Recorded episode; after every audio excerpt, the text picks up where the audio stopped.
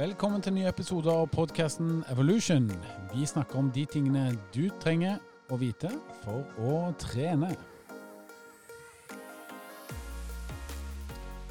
Velkommen alle sammen til ny episode. Henning heter jeg og er på plass som vanlig. Og jeg er vert for Evolution. Med meg så har jeg eh, den eminente eh, Jeg skulle gjerne si gråhåra, men jeg vet ikke om han har grått hår eller ikke. For du har jo ikke noe hår, Halvor.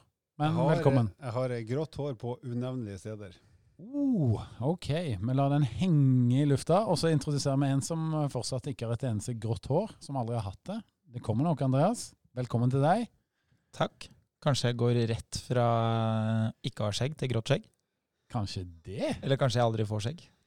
Mannen Ja. som snart får hår under armene. Andreas Skjetne. Jeg hadde en diskusjon om deg faktisk, Andreas, her i godt lag på søndag. Jeg var på kaffe hos noen som jeg kjenner, og de har jo sett deg da bare via sosiale medier. Du har en høy profil der, som eh, skribent på Evolution. Du er en del av den podkasten her. Eh, og driver med en del andre spennende ting. Så de lurte på hvor gammel du var. Og vi hadde veddemål inne fra 19 til 30. Skulle så gjerne vært 19 og et talent. Det hadde vært så deilig, det. Kanskje du egentlig er 19? Du er sånn eh, som en afrikansk fotballspiller som eh, man ikke helt vet eh, fødselsdatoen til. En Vanko Kanu vant, vant EM for eh, U16 som eh, 27-åring. Det står bare 1.1.90 på fødselsdato, rett og slett. Ja. Det verste med det er jo at jeg har jo liksom hatt den følelsen oppi hodet at jeg stoppa når jeg var 20. Så når folk sier sånn ja, nei, han er 21, så tenker jeg sånn ja, ca. like gammel som meg. Mm, Hadde det bare vært sant. Bra. Vi skal ha et spennende tema i dag, og det handler rett og slett om styrketrening. Um, men før vi kommer så langt at vi begynner å diskutere det som eh, vi har planlagt for episoden, så har jeg lyst til å høre med dere. Hvordan går det med styrketreningen eh, deres, gutter? Halvor, får du trent noe styrke nå som treningssentrene ja, fortsatt er stengt? Jeg har jo min eh, kjeller her, vet du. Inspirert fra gamle boliggym og en lang karriere i utstyrsindustrien. Så jeg har jo stappa kjelleren full av stenger og skiver og stativer og tredemølle og stakemaskiner og det meste. Så jeg, ja, treninga, styrketreninga går ganske bra. Så, sånn i hvert fall det er muligheter hjemme hos meg. Ja, Hva er det du fokuserer på av øvelser nå for tiden, da? Nei, I og med at jeg skal prøve å bli litt bedre enn ræva til å sykle, så er det mye fokus på uh, sete eller rumpa og lår for å få trøkk i pedalene. Så det er mye knebøy, markløft primært, da. Og så er det jo som eh, alltid litt eh, pyntetrening på overkroppen, bare for å ikke se helt u- sjanseløs ut med T-skjorte. Du kjører jo brystpress eller pushups hver eneste dag av årets 365 dager, gjør du ikke det, Halvor? Jo, mitt uoffisielle motto er at en dag uten brystpress er ingen dag. Oi, Da er det bare å holde i gang, da, med andre ord. er det flere megalyttere nå som så for seg Halvor sittende i en kjeller og gjøre brystpress, så har jeg full forståelse for det. Kondolerer. Andreas, da? Blir det hangups, eller blir det pushups? Du, eh, jeg eh, gikk på ski i helga, og det er vel den eneste trekkøvelsen jeg har gjort siden 12. mars. Ja, det er godt å høre at du sier det sånn som det. Jeg skulle akkurat si vær ærlig nå. Ja. Nei da, jeg ehm, har kjørt litt pushups. da. Jeg har alltid, alltid vært litt fan av pushups. Nå er det ikke noe hemmelighet at jeg har vært fryktelig glad i benkpress, eh, og benkpress er jo opp-ned-pushups, som jeg pleier å kalle det. Benk- Benkpress er jo den dårlige versjonen av brystpress. De fleste av lytterne vil tenke at det er akkurat motsatt, og så kommer du med den. Men, men grunnen til at du liker brystpress, er ikke det fordi at eh, benkpress ikke var funnet opp ennå når du begynte? Oh, vet du hva? I dag syns jeg at denne podkasten har starta som et fyrverkeri, altså. Så her det går fra null stemning til toppstemning. Ja, Det var vel egentlig ganske trykka stemning før start, og det var min feil, uten å gå inn på hvorfor. Ja, det er sant, det. Du, du, med Halvor så er det enten svart eller hvitt. Det var, ikke noe som, eh, det var ingenting jeg sa som skapte dårlig stemning, det var noe som ble gjort. Ja. Mitt motto har jo i mange år vært dårlig stemning er stemning, det òg, så det er ikke noe Ikke sant? problem. Ja, Med min egen styrketrening så må jeg vel si at den er ikke-eksisterende. Ja. Mm. Ja, jeg holder veddemålet. ja, men du har jo fått brunfarge i hvert fall, Henning, så du ser jo litt sterkere ut enn du gjorde i forrige uke. Det, det er sant. Jeg har vært mye ute, løpt, stått på terrassen. Men det er jo utrolig kjedelig. Her har du liksom inngått et veddemål og skal ikke trene styrke hele 2020, og så skal du liksom fortelle om hvordan det er, og så har ikke vi andre trent styrke siden 1. mars, vi heller. Nei, ikke sant? Ja. Det er jo ikke noen formildende omstendigheter, det, Halvor. Altså, Veddemålet gjelder tross alt. Så klart. Så Mm. Eller blir det sånn uh, vanlig kompensasjonsordning hvor du, du får igjen de månedene i andre enden, så du ender opp med sånn uh, 15 måneder her uten styrketrening?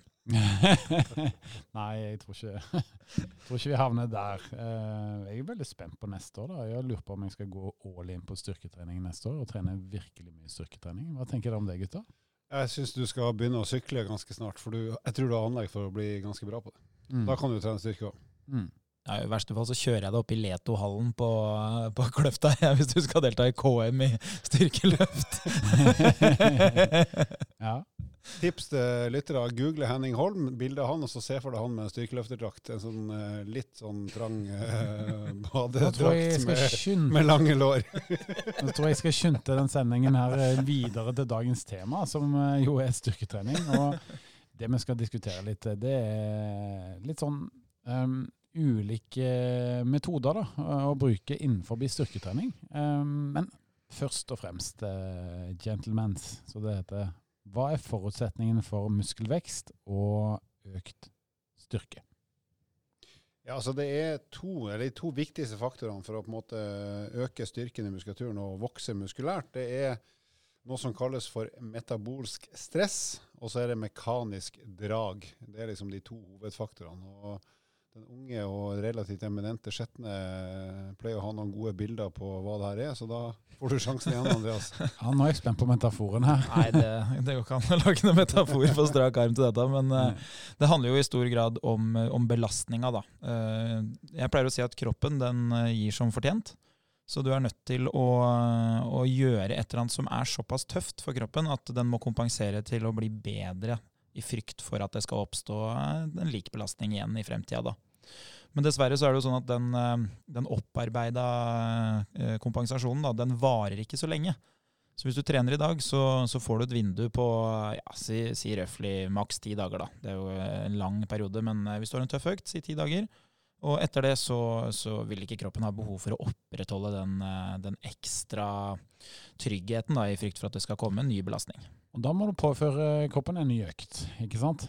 Ja, Hvis ikke så vil du jo bare falle tilbake til tidligere nivå, eller enda svakere, da, som i det tilfellet her vil være faktum. Sånn som da jeg er et bilde på nå om dagen. Ja, altså utgangspunktet så skulle jo du, sånn eh, statistisk sett, da, ikke sant, bare blitt svakere og svakere i takt med at du ikke trener. Eh, og så vil det være en del andre faktorer som spiller inn. Det vil jo være hvilket nivå du var på før du avslutta, uh, og hvor lenge du har trent. uh, og hva du gjør i pausen. For det er jo klart at hvis du eh, går løs på staking, du løper mer enn før, så er jo det en belastning som, som kroppen må kompensere for. For det, det koster jo mye å, å frakte kroppen framover, selv om det ikke rangeres som styrketrening. Mm, absolutt. Og når da folk velger å trene regelmessig, sånn som de gjør, da, da krever det nok mer og mer for å opprettholde den framgangen òg, da. Det, hvis vi skal prøve oss på en metafor, da, hvis vi først liksom skal eh, gjøre det, så Jeg visste det. Det tar ca. 120 sekunder fra bestilling til kjetten leverer. ja, jeg må, jeg må tenke meg litt om, da. Men hvis vi sier at du, eh, at du har 100 kroner, da. Vi bruker kontoen, vi syns det er ålreit. Hvis du har 100 kroner på en sparekonto, og så skal du øke sparekontoen med 10 da er det 10 kroner som kreves. ikke sant? Da har du 110 kroner. Mens hvis du da har 110 kroner, og du skal ha 10 nye prosent, så blir det 10,1. Og sånn foregår treninga. At for at du skal bli bedre, så må det komme en, en tøffere type trening. For hvis ikke så, så holder det ikke til å få den samme fremgangen. Og det som veldig ofte skjer, da, det er jo at man får god fremgang i starten. Det er jo fordi at det du gjør er veldig mye tøffere enn det du har gjort. Og jo bedre trent du er, jo mindre fremgang vil du egentlig kunne oppnå. Altså For å si det på folkemunne, da, så kan man si at jo dårligere trent jeg er, jo større fremgang vil jeg få. Det, så Jeg pleier ofte å tulle med det hvis jeg har nye kunder. De sier ofte sånn ja, nei, jeg er jo veldig dårlig i form. Så sier jeg nei, du har et flott utgangspunkt for å bli bedre. Ja, det er helt sant, det. Ja, det er jo det. Det er jo en veldig fin måte å si det på. De, de er jo mest sannsynlig inne i den perioden hvor de kommer til å ha mest fremgang. Det vil jo være vanskelig. altså Hvis jeg hadde gjort det de gjør, så ville jeg ikke hatt samme fremgangen. Og så er det litt morsomt at PT-kunder flest da sier at eh, ja, ja, jeg vil gjerne begynne å trene med deg, må bare komme litt i bedre form først. Ja, de pleier det. Ja. Og eh, det er jo en artig tanke at de skal trene for å trene med meg, og så kunne jeg hjulpet dem til å gjort unna den treninga ganske mye raskere. Mm. Samtidig som vi kunne opparbeida oss bedre teknikk, vi kunne skapt gode rutiner, som hadde gjort at den dagen hvor de da tenker at de skal gå i gang med treninga, så hadde de vært veldig mye bedre rusta enn det de ofte er. da. Mm. Veldig bra. Men jeg bare tenkte litt tilbake igjen til to begrepene som uh, lanserte her. Mekanisk, eller unnskyld, metabolsk stress og mekanisk drag. Bare sånn uh, mekanisk drag i muskulatur, hvordan får vi til det? Jo, det er egentlig at du har ei stor belastning. Altså hvis du trener en annen øvelse, at du har ei ganske stor belastning som gjør at du må utvikle stor kraft. Så for å få den fremgangen Andreas snakker om når du har blitt sterkere, så må du rett og slett øke belastninga. Legge på flere kilo for å få et større mekanisk drag i muskulaturen, sånn at den utvikler seg og blir enda sterkere enn den er nå. For å liksom klare å, å bygge på det du har skapt, og kunne bli sterkere og sterkere. Mm. Og det metabolske stresset, det er jo liksom banalt sagt, så er det når du kjenner at du har pump i muskulaturen, da, selv om det er kanskje et 80-tallsbegrep, så er det sånn eh, tegn på at nå har eh, muskulaturen fått litt lite oksygen og kanskje dårlig blodtilførsel en stund. Eh, typisk hvis du trener ganske mange rep, har eh, ganske korte pauser, så vil du få den her eh, såkalte pumpfølelsen. Og det, det er sånn veldig banalt sagt det vi kan kalle metabolsk stress. Ja, og det er jo gjerne det mange har brukt mye tid på nå, i eh, den tiden med korona som vi har vært gjennom. At man eh, trener veldig mye trening som er med en del volum, altså flere repetisjoner for å da bli sliten nok i muskulaturen. Så det er vel den andre type trening enn den med det mekaniske draget som veldig mange savner. Og mange eh, har jo ikke alt det utstyret som du har i garasjen, Halvor. Så vi har nøye oss med stuegulvet og kanskje en kettlebell eller to, eller en strikk, eh, eller trene ute. da. Og da, da savner man gjerne den der tunge belastning som man kan gjøre på treningssenter. Og kanskje spesielt som vi har snakket om i noen tidligere episoder, her med å få trent beina tungt, det er ganske vanskelig hvis du ikke har noe utstyr som er tilpassa styrketrening. Og så En sånn artig digresjon er jo at veldig mange har kanskje blitt litt sterkere i beina, men det skyldes jo kanskje at kroppen er blitt tyngre. Sånn at de rett og slett må bære litt mer kroppsvekt nå. Ok, så hvis jeg Nå, nå legger på Nå sitter to av tre i studio og ser på en av oss. Ja, ja, ja, ja. Men eh, jeg er blitt veldig sterk i beina, da. Du har det. Eh, Men vi, vi skal jo da vi skal snakke litt mer om metabolsk stress, og så skal vi snakke litt om da eh, hvilke faktorer eller hvilke virkemidler du har for å, for å øke det metabolske stresset. Men før det så tenkte jeg bare at vi bare snakker litt grann om sånn vanlig standard progresjon, da, for det er jo når vi snakker om mekanisk drag, som gjerne kan liksom eh, forenkles med sånn type øvelser. Da? Hvilke øvelser velger du, og hvorfor velger man egentlig å gjøre øvelser? Og Det er for å skape det mekaniske draget. Skape den ytre belastninga. Eh, og det vi opererer med til vanlig, da, som er veldig vanlig i PT-timer, at PT-en din liksom, det er det som er virkemidlet, det er jo da eh, ofte fire faktorer for, eh, for å skape progresjon. Eh, og da er den ene faktoren det er belastning. Eh, Og belastning det kan du jo eh, kalle for motstand, altså enten da i form av kilo på vektene, eller motstand i, i strikken, eller altså kroppsvekta di. eh, Alt det som på en måte kan, kan måles opp og si at ok, det er det du trekker eller skyver eller løfter, eller altså den motstanden du har da. Og det andre det er jo repetisjoner. Så sant, hvor mange repetisjoner, hvor mange gjentagelser gjør du? Og så har du serier. Hvor mange serier? Hvor mange ganger gjør du de repetisjonene? Eller til slutt, hvor ofte gjør du det? Altså varigheten. Eh, og hvis du har de fire forskjellige faktorene, så kan du spille ganske mye på det å øke belastninga. At du kan få det til å bli tyngre hele tida. Ja, veldig bra det. Og um, jeg tenker jo at mange der ute eh, begynner nok eh, selvfølgelig å tenke på sin egen trening og hvilke tilpasninger som de skal gjøre. da.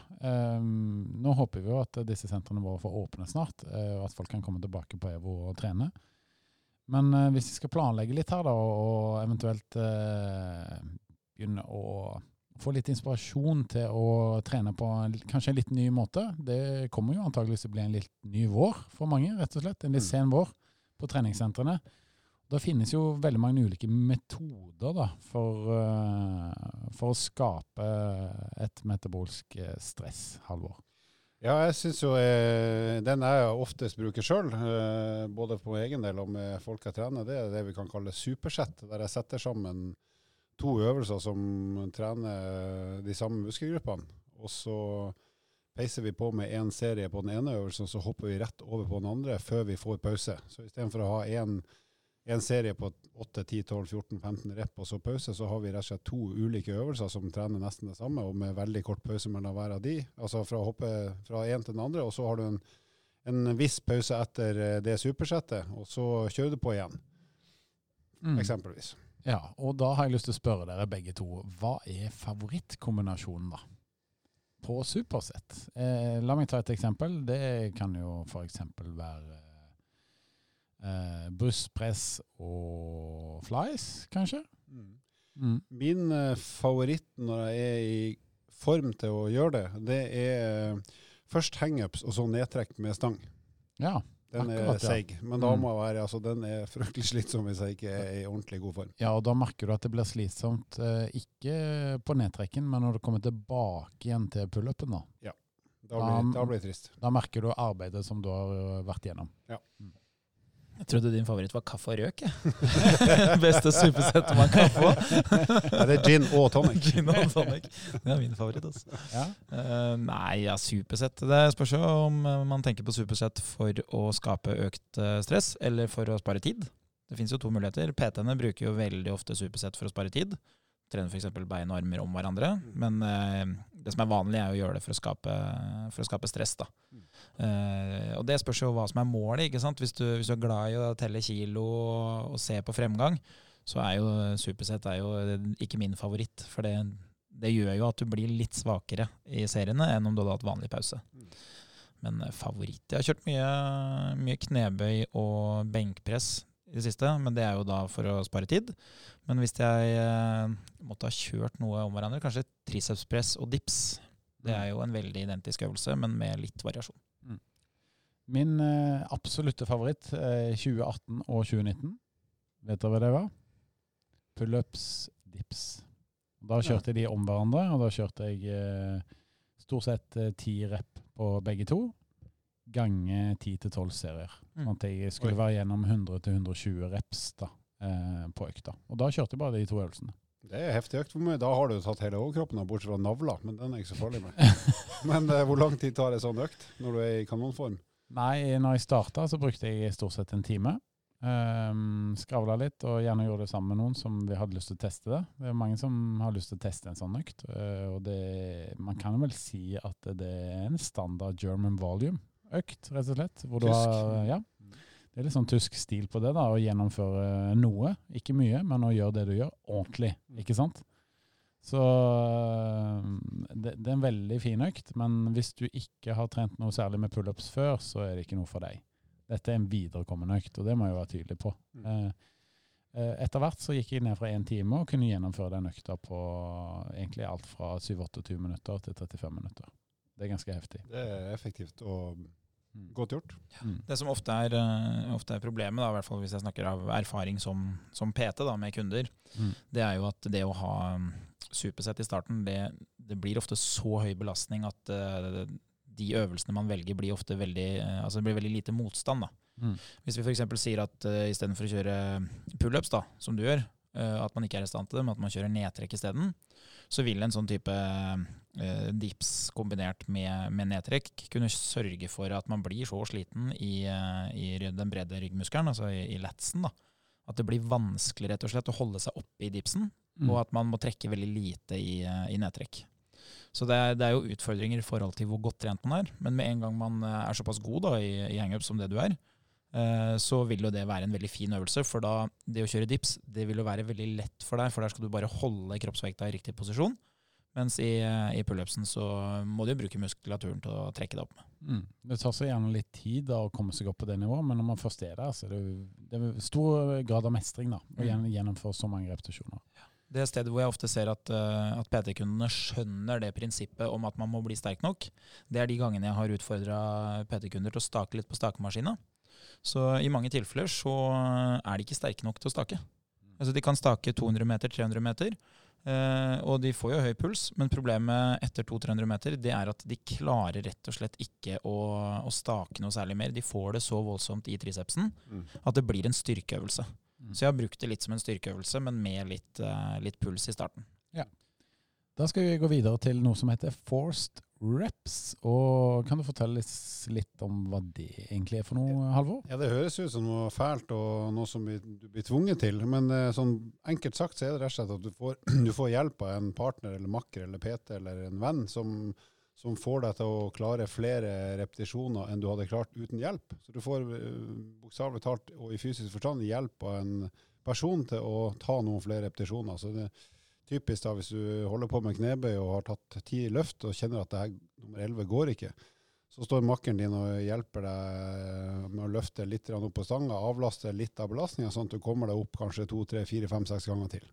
Ja, så spotting, da, med andre ord, for å si det veldig enkelt. Ja, og for de som har vært PT-kunde hos meg, da, de har jo nesten samtlige hørt at jeg en eller annen gang, når de har kjørt benkpress, så har de hørt at jeg har sagt eh, takk, jeg skulle jo uansett kjøre litt eh, bicepskull i dag. Ja. For når de ikke klarer de siste repetisjonene i benkpressen, og jeg står bak, så hender det at jeg må hjelpe til. Og da ligner det veldig på bicepskøll, det som foregår bak. Ikke sant. Eh, men for de som da ikke har en PT til å hjelpe de med de siste repetisjonene, hva kan man gjøre da? Nei, det spørs jo hvordan øvelse du, du velger, da. Mm. Men eh, er det bare sånn bare spør om hjelp på treningssenter, eller? Det, det, går jo an. Min opplevelse er jo at folk på treningssenter er hyggelige folk. Så spør man om hjelp, så får man som regel hjelp hvis ja. folk er i stand. Det er klart, er det en svær Brande som skal løfte 249 kilo i benkpress, og det er en uh, veik spjæling som blir spurt om hjelp, så kan det hende at den personen tenker at det her tør jeg ikke å hjelpe til med, for jeg er ikke sikker på om jeg får det til. Men for de aller fleste så er det jo snakk om å hjelpe med noen få kilo, sånn at uh, det skal gå greit for de fleste å være til hjelp hvis man blir spurt. Ja, mm. Og det, det, funker nesten alltid, hvis du spør. Eh, eller så i benkpress da, så har du en løsning til. Det er bare løfte til det ikke går mer, og så er det jo alltid en eller annen som, som spretter til for å hjelpe deg. Oh, ja. Har du noen gang måttet hjelpe noen som lå med stanga på brystet og ikke fikk den opp? Ja, jeg har både måttet hjelpe og hatt hjelp eh, gjentatte ganger. Jeg har også rulla stanga ned eh, med over 100 kg. Det er ikke veldig behagelig når du passerer ribbeina og den ramler ned i magen. Nei, da, da er det bedre å få den opp sjøl. Jeg lå innelåst på styrkerommet på befalsskolen i 1991. Til 1993? Med, med, med, 70, med 70 kilo. Først på brystet, og så på navla, og så på snurrebass og hofte. Inntil en idrettsmajor kom og låste meg ut. oi, oi, oi. Ja, ja. To år etterpå, ja. ja. Da går vi videre. Vi trenger ikke snakke mer om det, Halvor. Vi fortsetter til neste. Det hjalp veldig å få sagt det. Takk. Ja. du føler deg bedre? Vi fortsetter med dropset, vi. Som eh, en klassiker, rett og slett. Eh, noe som eh, i hvert fall du liker veldig godt. Er det ikke det, Andreas? Jo, eller altså jeg er jo veldig glad i, i helt sånne standardoppsett med like mange repetisjoner, men jeg liker å gjøre det når jeg trener andre. det er jo noe med det at man eh, foretrekker én ting sjøl, og så veit man hva som fungerer bra. Så morsom ting med dropset da, det er jo at du, du starter jo ut med en vekt som kanskje er bitte litt høyere enn det du vanligvis klarer, hvis du skal ha jevne serier. Og så tar man av litt belastning. Hvis du tenker f.eks. benkpress, da, så tar man av litt vekt for hver serie, sånn at det blir lettere, sånn at du klarer å, å opprettholde mange nok serier. Lite tips der kan være, hvis du, hvis du er alene, da, så velg gjerne et apparat eller en øvelse der det er lett og fort å bare redusere belastninga litt. Så i mitt tilfelle, som er fryktelig glad i brystpressen, så hadde jeg banka på masse kilo i magasinet først. Og så når jeg skal ha, bare slippe litt, så flytter jeg bare pinnen et par hakk oppover på magasinstekken, sånn at jeg løfter litt lettere. Så Da går det fort å, å, å skifte belastning sjøl. Ja, og det er en veldig fin metode å opprettholde volum. Du kan jo få mer belastning. altså Du kan få flere serier, flere repetisjoner, hvis du gjør det på den måten. Mm. Og eh, Det var jo en sånn standardting vi alltid gjorde når um, når jeg gikk på skolen, så på, i fotballklassen, da, så var det når du hadde ny førsteklasse, så uh, hadde vi fellestrening, og da var det alltid sånn at vi utfordra de til å kjøre dropset. Og så visste jo vi at det ender jo alltid opp med at du ikke klarer stanga til slutt. Og da filma vi. så, så dropsentet det endte i stanga, og du klarte ikke stanga, og det ble filma. Det, det, var standard. det hørtes ut som en veldig snill gjeng. ja, absolutt. Ok, nei, men eh, Et uh, eksempel på det, utover det med magasintrening, som egentlig er perfekt i, i forhold til dropset, det er å gjøre det med manualer. Um, si f.eks. at man kjører en skrå hantelpress da, med x antall kilo, uh, og så går man ned på et lettere antall kilo i hy og hast, eh, og fortsette med et sett til. Det kan være en måte å, å gjøre det på. Ja, Men eh, fra en eh, PT som har jobba i fryktelig mange år på treningssenter, rydd opp etter deg. Please. Når du bruker 10-12 sånne manualer som ligger rundt. Fader, folk bare drar etterpå. Det ser så håpløst ut, det. Ja, men Det kan være at de ikke har lyst til å ta fra deg jobben, da, Andreas. Ja, ikke sant? ikke sant? Bra. Yes, men dropset er en flott metode å bryte ned muskulaturen ganske raskt på. altså. Så hvis du har litt kort tid på trening, si at du skal kjøre en effektiv økt på 30 minutter, og legge opp til en tre-fire øvelser og kjøre da dropset på de, så skal jeg love deg at du er ganske ferdig etterpå. altså.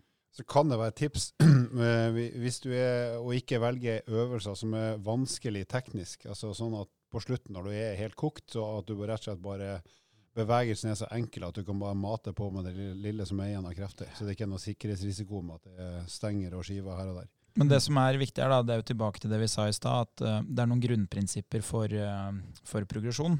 Uh, altså Noe må bli tyngre fra en gang til en annen. Og alle de virkemidlene vi snakker om nå er jo veldig morsomme, men du må alltid ha tunga rett i munnen på at det du gjør, blir litt tyngre. Så selv om du velger dropset, så er du helt avhengig av at når du neste økt skal gjennomføre dropset, så må noe bli tyngre enn det det var. Det hjelper ikke at du blir skikkelig sliten på slutten bare fordi at du har stressa opp litt på, på hastigheten. For det blir ikke nok belastningsøkning. Så eh, det som kan være smart å gjøre, da, er jo standarden, og det er å skrive ned hva du gjorde, og starte litt høyere enn det du gjorde i forrige økt. Mm, veldig bra. Eh, la oss bevege oss litt videre. Trisett det er et, eh, et punkt som vi har også satt opp på lista. Vil du dra oss litt igjennom hva det um, løser? Veldig gjerne. Veldig gjerne.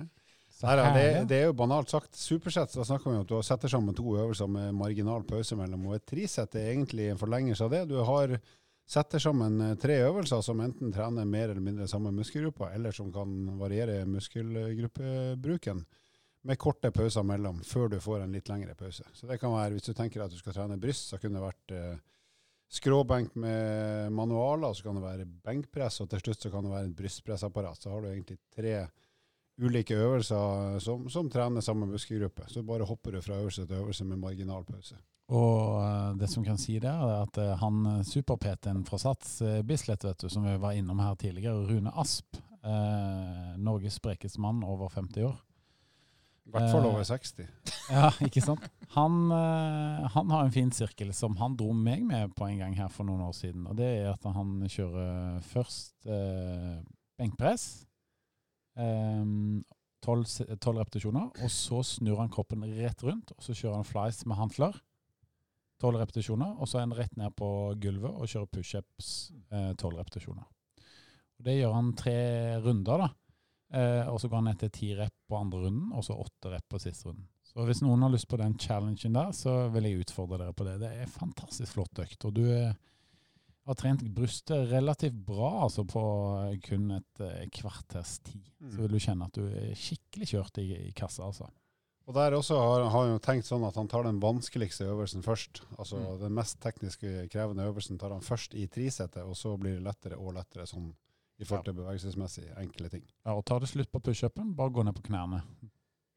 Ikke sant? Altså, gå ned på knærne, og blir det for tungt òg, så må du skyte rumpa opp. så til slutt så blir det liksom en ordentlig eh, nedsatt pushup, da, for å si det sånn. Men ikke gå ned på knærne for Rune Asp.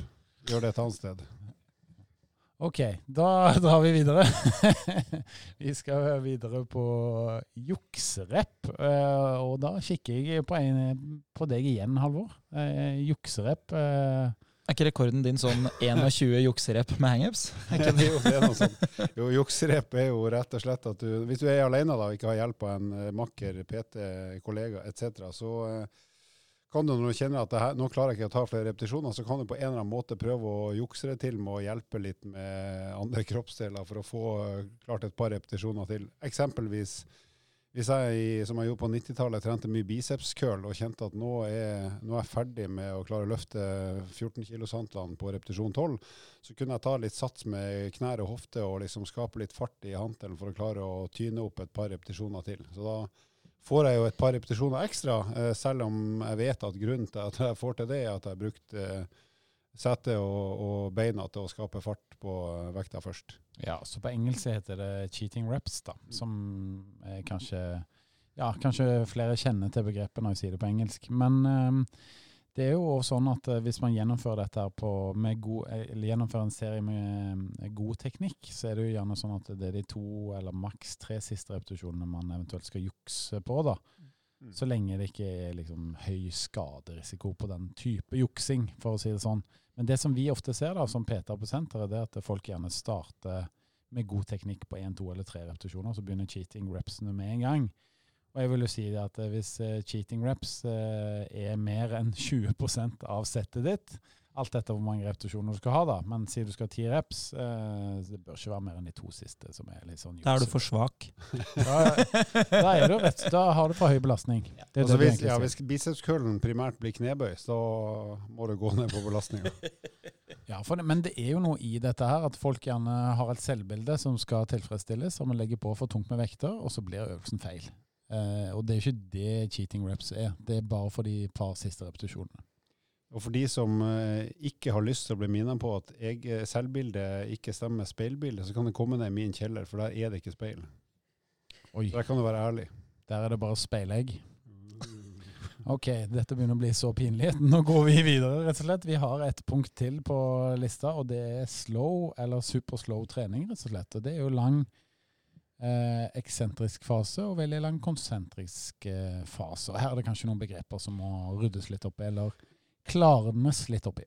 Ja, altså jeg ville sagt det veldig banalt sagt, så er det at bevegelsen foregår sakte, som du sa, Henning. Og, og teorien bak det, det er at du vil jo blokkere blodtilførselen i ganske stor grad når du driver og beveger på en muskel veldig sakte. Så det er da te teorien bak den måten å trene på, er at da vil du få ei stor opphopning av melkesyre og manglende blodtilførsel, som gjør at du skal kunne få en, en effekt på, på muskelvekst primært. Da. Eh, og så er det det er ikke hinsides mye forskning på det her, men det er i teorien høres i utgangspunktet relativt fornuftig ut i forhold til sånn normal fysiologi. Ja, og andre fordeler er jo at man ofte får eh, Man får jo ofte tilgang til liksom bedre teknikk, da. Fordi øvelsen tar litt lengre tid, du rekker å, å liksom tenke over hvordan du beveger deg. Og det andre er at man kan få litt bedre kontakt. Sånn at eh, i f.eks. knebøy, hvis du sliter med at setemuskelen ikke alltid er liksom like aktiv, så, så vil eh, litt treigere knebøy gjøre at uh, du får tida til å få ordentlig kontakt med de musklene som brukes. Ja, men, Få da må, kontakt med rumpa. Yep. men da må jo belastningen ned, da, hvis du skal gjøre en knebøy så sakte. Ja, Eller? hvis ikke blir det jo nede, da. Blir, blir det bare halve knebøy. Ja. Em, det er nok mange som tenker at oi, her er det mange ting som jeg har lyst til å teste. Hvis uh, du skulle anbefalt én som er veldig enkel og grei, og som, uh, som du har gode resultater med som PT, hvilken ville du valgt da, herr her Skjetne? Nei, jeg, jeg tror jeg ville ha testa litt uh, dropset. Jeg syns jo det er en artig ting. Starte seg, si uh, bitte, bitte litt over det du gjorde forrige gang du trente i en øvelse, og så ta av lettere og lettere. Og så ville jeg da ha valgt uh, en magasinøvelse første gangen. Det betyr jo uh, type nedtrekk, sittende roing, hvor, uh, hvor du har mulighet til å bare justere vekta ved å flytte den pinnen som står i magasinet, så du slipper å holde på med stang. Og så ville jeg valgt en øvelse som, som er teknisk enkel. F.eks. nedtrekk, som de fleste behersker sånn teknisk ganske raskt. Mm. Ja, Halvor?